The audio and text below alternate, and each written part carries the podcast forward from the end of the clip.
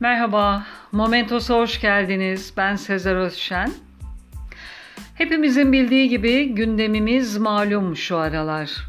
Halil İbrahim sofrası ile ilgili birkaç gün önce bir konuşma duyunca ve hemen akabinde değerli yazar Sema Soykan Instagram sayfasında bu deyimin açıklamasını yazınca ben de sizlerle paylaşmak istedim. Onun aktardıklarına hep beraber bakalım. Hepimiz biliriz ki Türk halkı misafirperverliğiyle nam salmıştır. Misafir berekettir. Var olanı bölüşmek, paylaşmak mutluluktur. Misafir on kısmetle gelir, birini yer, dokuzunu bırakıra. Verdikçe çoğaldığına inanır. Halil İbrahim sofralarıyla herkese açık, bereketli sofraları ifade etmeye çalışırız.'' Ben de iki hikayeyle nereden geldiğini ifade etmeye, özetlemeye çalışacağım. Hazreti İbrahim peygamber misafiri, yemeğini paylaşmayı o kadar çok severmiş ki her kesimden insanı sofrasına buyur edermiş. O kadar ki bir kez bile olsa sofraya misafirsiz oturmayacağım diye yemin etmiş. Ne hikmetse bir ay hiç misafiri olmamış. O da sofra kurdurmamış. İlgi ve irtibat alanını genişletmek için çıkmış misafir aramaya. Uzaklarda bir yerde kendisi gibi misafir arayan bir adamla kesişmiş yolu. Üç aydır evine misafir gelmeyen adam sevinçle sofrasına buyur etmiş İbrahim'e. Şaşkınlıkla ama mutlulukla kabul etmiş İbrahim.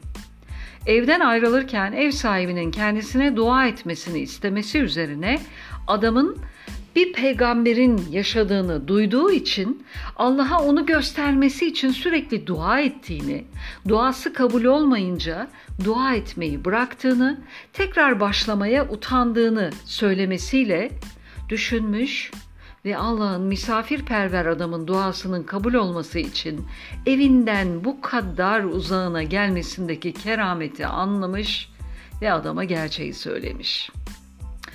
Bir diğer hikayede cömertliğin sonunda insanın elinde hep daha fazlasının kaldığına işaret eden Halil İbrahim bereketiyle bütünleşen hikayedir ki o da oldukça anlamlı. Birlikte çalışan Halil ve İbrahim kardeşler, büyük olan Halil evli ve çocuğu var. Küçük kardeş İbrahim ise bekar.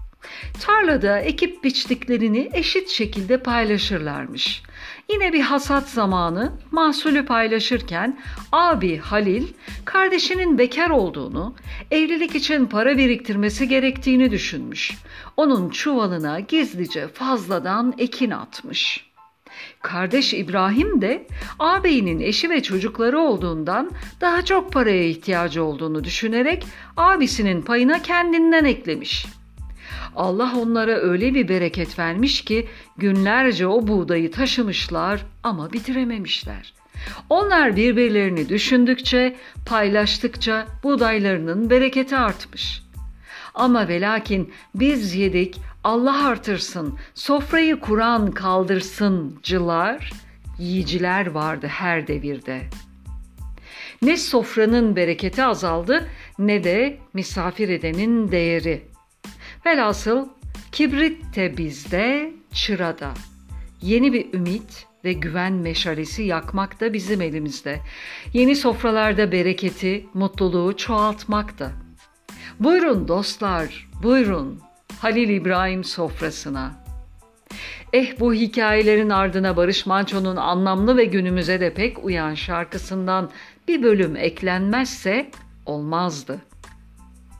Buyurun dostlar, buyurun Halil İbrahim sofrasına.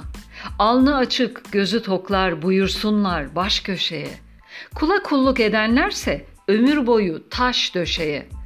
Nefsine hakim olursan kurulursun tahtına. Çala kaşık saldırırsan ne çıkarsa bahtına.